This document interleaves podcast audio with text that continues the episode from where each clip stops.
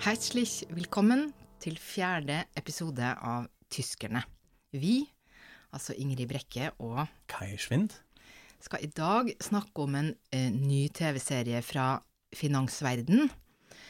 Eh, vi skal høre hvordan det har vært eh, for meg å høre på Helene Fischer. Eh, men først skal vi snakke om en virkelig stor begivenhet. Tyskland har nemlig endelig fått ny regjering. Hvordan føles det da, Kai? Hurra, vi har fått det til. Eh, ja, altså Det er sånn to svar på det. På en måte er det jo veldig deilig, eh, fordi det var jo litt rart at det tok så lang tid før eh, det var på plass. Eh, men samtidig er det jo nå en stor koalisjon igjen, eh, og det er mange som ikke hadde så lyst på det, blant annet meg. Jeg hadde håpet på en annen resultat, og en annen kombinasjon i hvert fall.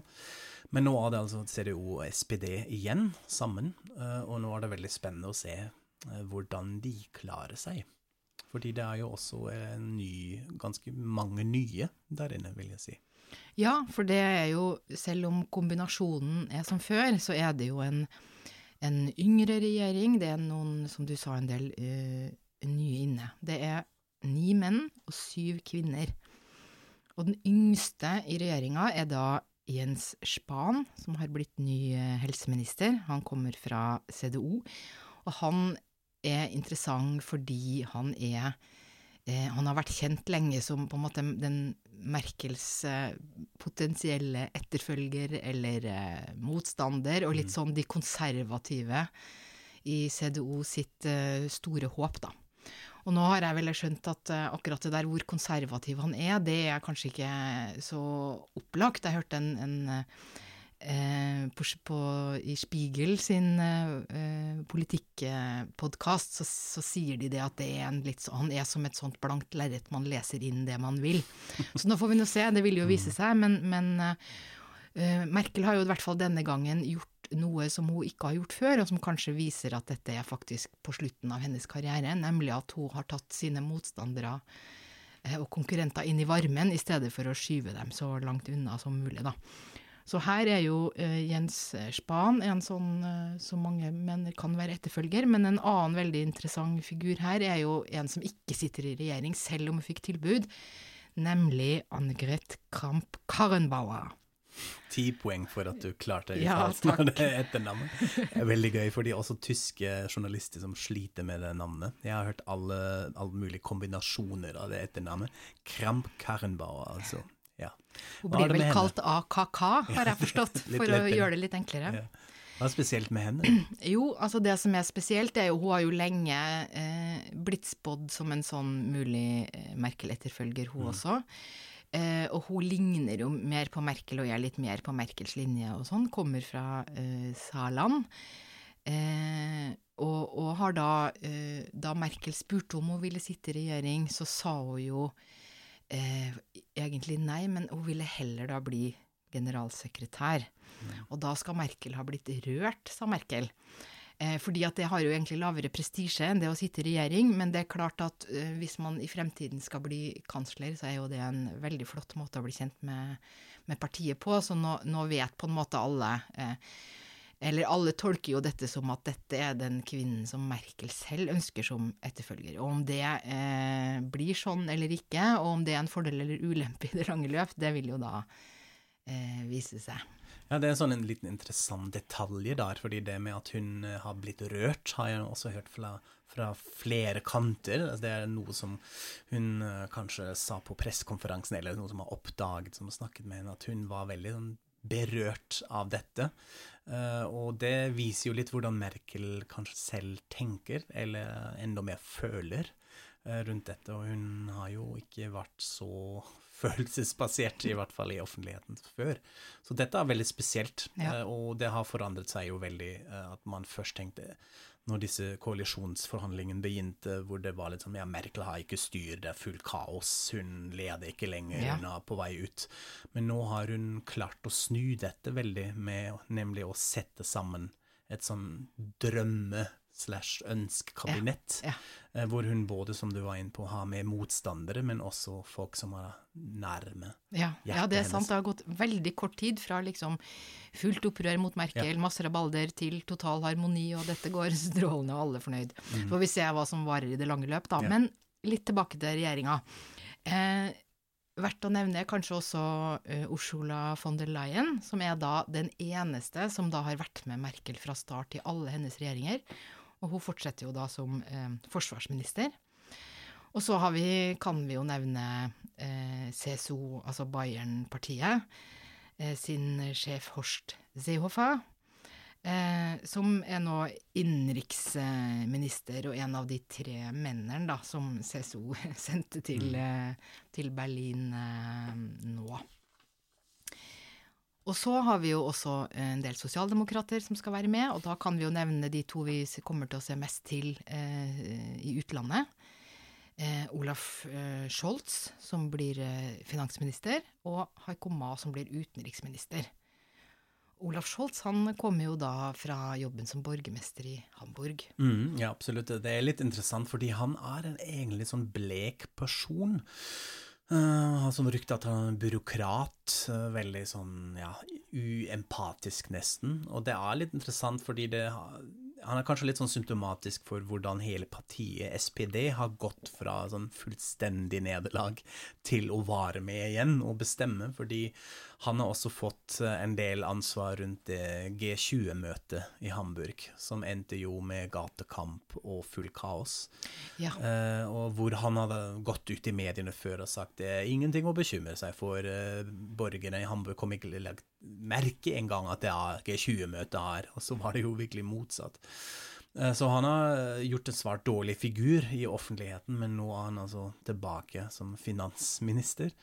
Eh, som var veldig interessant, for å si det litt diplomatisk. Ja. Eh, Få se hvordan han klarer seg da. ja. Ja. Og så er det jo Heiko Maas, eh, som du var inne på, som ble utenriksminister, som var kanskje, ja, vinneren av en merkelig, typisk SPD-krangel, nemlig mellom Martin Schulz og Sigmar Gabriel. Altså Martin Schulz, den store, feirete kandidaten som da skulle slå Merkel, men som da tapte fullstendig. Eh, og til slutt også sa at han skulle gå av, eh, som eh, var veldig kritisk mot Sigmar Gabriel, den daværende utenriksminister, som har også gått ut i offentligheten på en utrolig ufin måte mot Schultz. Og da var det litt sånn spennende å se hvordan hva skjer med de to. Og nå er begge ute, og Heiko Maas er inn. Det er kanskje litt sånn eh, alfahannenes Ja, eh, siste sang i, i, Ja. hos Sosialdemokratene, så vi får se. Men Ja. Heiko Maas er jo en litt sånn annen type, og han trekker jo også litt glamour inn i regjeringa, har jeg skjønt. Absolutt. ja. Han er gift med Nathalie Werner, og Nathalie Werner er en veldig kjent eh, skuespillerinne i Tyskland. Uh, og um, ja, da har de blitt litt sånn tabloidmateriale i det siste. Um, han har også ja, man har nesten gjort litt narr av han, fordi han har vært litt sånn medieminister. Han har altså vært med i mange talkshows, har mye å si på Twitter osv., og, så og kanskje vært litt sånn populistisk eh, på noen områder som justisminister egentlig ikke er. Eh, men jeg vil nok si at han Det ble ikke kjedelig med han, tenker jeg, eh, i SPD, eh, fra SPD sin del, og, så det er spennende at han er med, tenker jeg. Så vi kommer nok til å ha en litt sånn toneskifte, tenker jeg. Ja. Spesielt sammenlignet med Gabriel, som var veldig sånn bråkete, alfahanete. Ja. Så kan vi kanskje si et par ting om innhold også, selv om det er litt eh, det er for så vidt litt tidlig for å se hva de gjør og sånn, men, men eh, de har nå jobba veldig lenge med, en, eh, med å komme fram til en koalisjonsavtale, og det som vel er klart, det er at eh, CSO, eller de, de mest konservative, har fått gjennomslag for, for flyktningepolitikken, og, og eh, en innstramningslinje som jeg absolutt vil si at Merkel har holdt det gående med ganske lenge, den blir liksom nå spikra eh, ganske fast, og man har blitt enige om, om eh, noen tall og litt mer sånn strikte holdninger, og raskere Man skal vurdere raskere, utvise raskere, og man skal ha en begrensning på hvor mange som kommer og sånn. Sånn at nå får vi se, det er jo alltid litt sånn med hva er nå reglene, og hva er det man klarer å få gjennom rettssystemet og sånn. Men det er nå i hvert fall eh, holdninga eh, nå. Og så, eh, som utlending, så er kanskje det mest spennende nå, det er jo satsinga på utvikling av digitalisering i, i Tyskland, hvor man har satt av mye penger. Og så har man ikke laga en eh, Man har ikke eh, utnevnt noen digitaliseringsminister, som mange kanskje trodde det skulle komme, men i stedet er det lagt under kanslerens kontor. Og det er vel et veldig tydelig bevis på at nå skal det sannelig tas voldsomt grep, og det kan jo trengs. Ja, absolutt. 15 eh, år etter dette har, har, begynt å ha betydning, så er vi med også. Det er veldig fascinerende for tyskerne når de kommer til Norge og ser hva, slags bra dekning og digitalisert samfunn dere har. Altså til og med i det siste litt sånn glemte dal, så har det superbra 4G-dekning. Eh, men da sliter man fortsatt veldig med, og jeg kjenner det fra uh, f.eks. det området hvor eh, familien min har hytta, i Nordhessen. Fogelsberg-området, som det heter. Da er det flere bedrifter som har gått konkurs. Eller slet veldig fordi det er så dårlig connection med internett. Det er ikke noen fiberglassbygning, altså utbygning.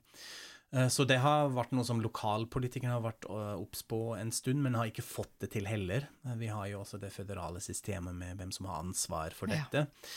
Så dette er superviktig. Og til og med i Berlin har man jo dårlig dekning ja, i Berlin midte, det vet du jo alt om. Så det blir veldig, veldig spennende å se om vi får det til. Fint at det er kansleransvar nå. Ja, ja. så får vi se hvordan det går, og så får vi se hvordan det går med, med mest av alt kanskje sosialdemokratene, som man jo har fått litt nesten vondt i hjertet av i de siste eh, ukene og månedene, må jeg si. De har vært i en enormt dyp krise. Nå går det litt mm. bedre på, på meningsmålingene, da. Mm. Men det er klart de har en masse personkonflikter liggende der, og, og eh, det å være juniorpartner i regjeringa trenger ikke å være noe, noe lurt i det lange løpet. Men fra en krise til eh, en annen, Kai. Mm -hmm. Finanskrisen har du ja. underholdt deg litt med? Absolutt, ja. Eh, det har jo vært et sånn lament i mange år at tysk TV er veldig fjern fra virkeligheten. At de ikke forteller historier som har noe særlig med samfunnet å gjøre. Eh, kanskje Tateåt-serien, som vi snakker sikkert om en annen gang, eh, som tar opp litt sånne ting i samfunnet, men ellers var det veldig så mye sånn, ja, ikke relevant. Men nå kom det altså en TV-serie som heter Bad Banks, Slemme banker, ja. eh, produsert av CTF og Arte, K-produksjon. Vi har jo den fantastiske ordningen i, i Tyskland, det samarbeid mellom Frankrike og Tyskland. Ja på kulturnivå, eh, TV, som ble produsert sammen. Og det er en ny serie som eh, forteller nettopp det, en historie rundt tema finanskrise. For meg er det sånn ekstra gøy, fordi den eh, sett hovedsakelig i Frankfurt, som er jo finanshovedstaden i Tyskland, og forteller da en ganske sånn voldsom historie, bare kort. Det handler om eh, Jana Likamp, som er en investment banker fra Luxembourg. Eh, som har også vært mye samarbeid mellom Frankfurt og Luxembourg, fordi det er mange banker der òg. Og hun får sparken da, og det går til helvete for henne, men så får hun ny jobbtilbud for Deutsche Global Invest i Frankfurt. Dette er en fiktiv bank, det fins ikke, men alle vet ok, dette er Deutsche Bank som det skal Selveste fremstille. giganten. Selveste giganten, ja. Eh, så hun begynner å jobbe der. Under eh, Gabriel Fenger, som er en sånn eh, nederlandsk investment high, en sånn tøff bankperson som har en veldig merkelig autoritær ledestil. Da er det sånn hire and fire på daglig basis. Eh, og de to er litt sånn motstandere først, men så kommer de godt overens. Og så er det et stort prosjekt, nemlig finansiering av et nytt eh, byggeprosjekt i Leipzig. Og de trenger fire, fire milliarder euro i løpet av én uke. Og det oppdraget tar Deutsche Global Invest på seg.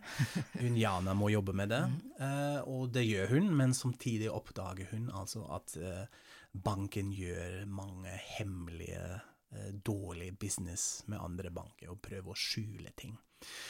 Så det handler serien om. Og det blir eh, seks episoder med høy finansverden og spenning. Ja, jeg koste meg veldig med den serien. Det var uh, selvfølgelig preget av at dette er litt sånn hjemmebyen min, på godt og vondt. Man uh, ser mye av disse investmentbanker, mest menn, men også noen kvinner i dress.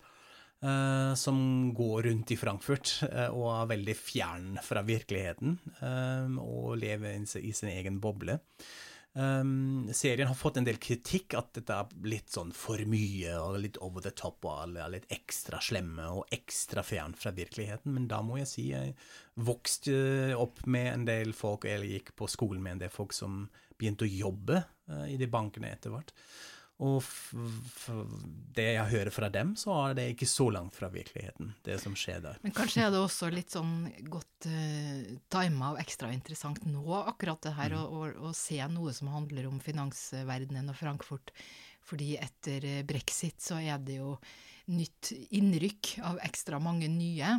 Ja. Eh, og da jeg var i Frankfurt sjøl i høst, så skjønte jeg jo at det er et ganske stort tema. Hvor skal de bo alle sammen? Eller kanskje enda mer alle vi andre, hvor skal, hvor skal vi bo mm. hen? Når de kommer og betaler skyhøye leier og tar over sentrum. Og, ja.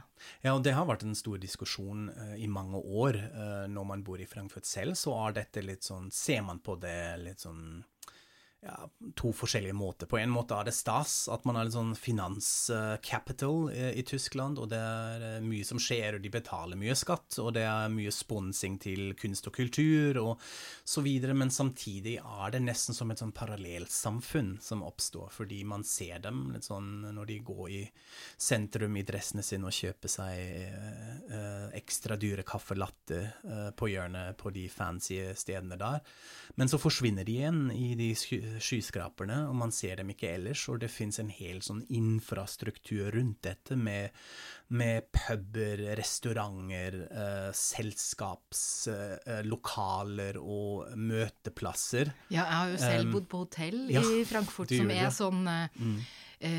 at man ikke ser forskjell på natt og dag, og alle ja. måltider serveres hele døgnet Eh, hele døgnet rundt og sånn, sånn at alle som reiser rundt i verden da kan, kan overnatte der og ha møter uten at de må drive med ja. sånn stå opp om morgenen og få jetlag og, mm. og, sånn. Så det er jo veldig sånn boble Eksempel på boble. Absolutt, og veldig sånn tilrettelagt mm. til den type livsstil og det man vil ha. Og igjen, jeg er litt sånn litt splitt på dette, fordi det er sånn sett en egentlig en ganske fin tradisjon som man har hatt i Frankfurt. En veldig sånn liberal åpen for litt sånn næringsliv fra hele verden. Det går helt tilbake til middelalder, ja. egentlig. Altså Frankfurt som har messeby. Alle de store messer er jo da bokmesse, mobil, eh, automobilmesse. Uh, så man er litt sånn åpen til folk fra hele verden, men samtidig er det alltid da hvor det gjelder penger, at det er en sånn egen logikk. Og den er da på en måte veldig ja, selvopprettholdende, og hva den da egentlig gjør for samfunnet rundt. Det kan man spørre seg. Uh, og det tar også serien opp uh, ved å vise det er en karakter da som uh, en dame, en bankerdame, som prøver å date en student i Frankfurt. og da ser man litt sånn hvordan det er å leve som student i Frankfurt, ja. som clasher da fullstendig med denne bankvirkeligheten og de leilighetene de bor i, og så videre og så videre. Ja. Eh, så det er eh, en ganske vellykket, veldig gøy uh, serie. Vi kan jo også um, nevne en av skuespillerne der inne som yeah. jeg ble veldig glad for å se. I hvert fall i tysk sammenheng en utrolig kjent navn, nemlig Desiree Nosbusch. Uh, som er egentlig fra Luxembourg. Uh, hun ble ja, i hvert fall europakjent uh, i 1984 fordi hun var en programleder i Grand Prix da hun var 19 år gammel. og hun har en sånn språktalent. Det er helt utrolig. Hun er flytende med, på fem språk. Snakker flytende fransk, engelsk, luxemburgsk, tysk, italiensk, alt det der. Uh, og hun har prøvd en sånn karriere som skuespiller i årene etterpå, men har, det har aldri liksom tatt helt av. Men nå har hun en fantastisk rolle i den serien, i Bad Banks. Da spiller hun en sånn mystisk uh, dame som styrer en bank i Luxembourg, og, og som da prøver å manipulere hovedpersonen til å få ut hemmelig informasjon med sånn mørk, grått hår og veldig mystisk. Og det var utrolig deilig å se henne i den rollen, også som selvfølgelig er en mulighet for henne å snakke i de fem språk hele tida. Ikke bare i Grand Prix, men nå også i Ikke bare i den store finansverden. Ja. Så uh, Bad Banks uh, anbefales. Jeg regner med at den kommer til Norge om ikke så lenge heller. Det er en stor uh, TV-serie, K-produksjon. Og man, man, ja, gjør Netflix-produksjon eh, konkurranse med den, så det blir gøy. Ja. Men fra noe som jeg likte veldig godt, for å konstruere en eh, overgang, til noe som Ingrid kanskje ikke likte så godt. Du husker jo, eh, eller dere husker jo, at jeg ga Ingrid en utfordring sist, nemlig å høre i sin helhet det nye albumet til tysk slagerpop-sensasjonen Helene Fischer. Eh, som er noen av de største popstjerner, slagerpopstjerner, som vi har i Tyskland. Du har hørt ja. Fint ansiktsuttrykk du ja. har nå. Eh, du har hørt gjennom hele albumet. Eh, hvordan var det? jo, Nei, altså det som var det som, Jeg må jo være positiv først, da. Det som var veldig bra, det var jo at jeg fikk denne muligheten Eh, til å få vite hvordan dette mennesket høres ut, som jeg jo tross alt har sett mange, mange ganger i tyske medier, aviser og sånn, fordi hun er overalt. Altså, mm -hmm. hun er virkelig en av de største. Ja. Men jeg har jo aldri lyttet før, og nå fikk jeg lyttet, og da må jeg jo også være ærlig og si at eh, jeg hadde jo tenkt å høre absolutt alt. Og resten skulle jeg høre på trikken hit til studio, men det glemte jeg. Så det er vel sånn klassisk fortrengning. Ja. For det var jo ikke så fint, kanskje. Ja. Nei. Jeg trodde Det er jo en det er jo en strømlinjeforma popmusikk. Jeg trodde det skulle være verre på den måten at det skulle være mer danseband, som mm. jeg mhm. ikke er så glad i. Det er jo mye mer sånn uh, ja, klassisk pop, kanskje. Mm. Eh, men de høres veldig like ut for meg, disse sangene. Så det å skulle høre 14 på rad, det gikk jo ikke. Så jeg hørte liksom fire, og så måtte jeg slutte. Og så hadde jeg jo glemt hvor jeg slutta, og så husker jeg ikke om jeg hadde hørt den forrige om igjen. Ja, så det ble mye styr. Men jeg kom meg noen, da nesten gjennom det. Men jeg oppdaga jo noe som jeg syns kanskje var mer interessant med Helene Fischer enn mhm. musikken, og det er jo at hun har russlandsbakgrunn. Ja, at hun og, og, familien er såkalte russlandstyskere. Mm. Eh, som, eh, så hun kom flyttende til Tyskland fra Sibir, hvor hun er født, eh, som eh, fireåring. Ja. Så hvis jeg skal holde på noe mer med Lene Fischer, så tror jeg kanskje heller det med det. Ja. Det er kanskje lurt, fordi ja. jeg tror det er mer å oppdage uh, rundt det, rundt biografien hennes. Det er jo litt interessant. Hun er en sånn merkelig person, fordi hun uh, er på en måte ja, aktiv på et sånn område hvor det handler veldig mye om følelser og det å skape et sånn heimatbegrep og marked. Altså folk som hører på slaget, er jo kanskje sånn 60 pluss, eller mellom 50 og 60-70, sånn. Så hun har eh, en sånn fersk pust, som det kanskje heter på norsk òg. Frisk, frisk pust. Ja. ja frisk pust. Eh, men samtidig er hun litt sånn generisk robotaktig heller. Mm. Dette er veldig, som du sa, polert popmusikk. Og også liveshowene hennes er bare en sånn stor overkill, som er veldig sånn upersonlig. Uh, samtidig er hun sammen med Florian Silbereisen, som er en programleder, en utrolig kjent uh, slagershow-programleder. Uh, til og med Märtha Louise har vært gjest ah. og har sunget norske viser på tysk TV. yes, så, så, det er den type underholdning vi snakker om. Yeah. Så de er en sånn power couple, og veldig interessant å, å følge med. Ja, men musikken uh, er da kanskje ikke noe for alle, men jeg skulle altså teste hvordan det fungerer med deg. 14 uh, eh, låter av 17, det er ikke verst. Så få se om du hører litt mer. Vi får se. Vi får se. ja. Neste gang så er det jeg som skal utfordre deg, Kai. Mm -hmm. Men uh, denne gangen så tror jeg vi nøyer oss med å høre hvilket ord du har på lur i vår spalte om ord. Ja, det er jo en veldig gøy spalte. Det syns jeg er en av mine favoritter uh, her. Fordi uh, jeg oppdager bestandig nye norske ord, uh, og reflekterer over de kanskje på en annen måte som man hadde gjort når det hadde vært morsmål. Eh, et ord som jeg har hatt et så merkelig forhold til eh, i en del år, fordi jeg fortsatt ikke helt vet 100% hva det betyr, og hvordan man skal oversette det, er ordet sysselsetting. Eh, som jeg tror jeg vet at det har noe å gjøre med hvor, hvem som er i jobb, altså det å ha jobb og skaffe folk jobb. Men eh, det er noe med lyden, altså noe sånn onomapoetisk med det ordet, som, jeg, som vekker helt andre assosiasjoner. Sysselsette, eller sånn å sysle, rusle og pusle med noe, gjøre ja. noe annet. Litt sånn småting, men så er det egentlig noe ganske stort dette handler om. Altså beskjeftigung er vel det tyske ordet mm. for dette, og det er egentlig et sånn uh, stort begrep som blir mye brukt i politikken og sånn. Det blir jo også sysselsetting. Men jeg får da altså alltid helt andre assosiasjoner, og jeg snubler alltid over dette. Jeg kan ikke si en setning med ordet sysselsetting eller høre det uten å stoppe opp litt kort og fundere over det. Så eh, ja, vi får se hvordan det forholdet utvikles eh, videre med det, eh, hva vi gjør. Men veldig gøy. Gøy ord. Har du, har du de samme assosiasjoner for deg? Nei, men jeg skjønner, jeg skjønner, jo hva du Jeg har aldri selvfølgelig tenkt over ja. det, det gjør man jo sjelden sånn på sitt eget språk, mm. men, men skjønner, når du sier det, så skjønner jeg det. Fordi at det er en setning som faller, som jeg liksom kom på, som jeg lurer på om jeg kanskje har fra Ingvar Jan Bjørnsen, og det er sånn Der satt de sinnssyke med sine sykesysler. Og at dette, og at dette med å sysle og pusle og sånn, det er jo Ja.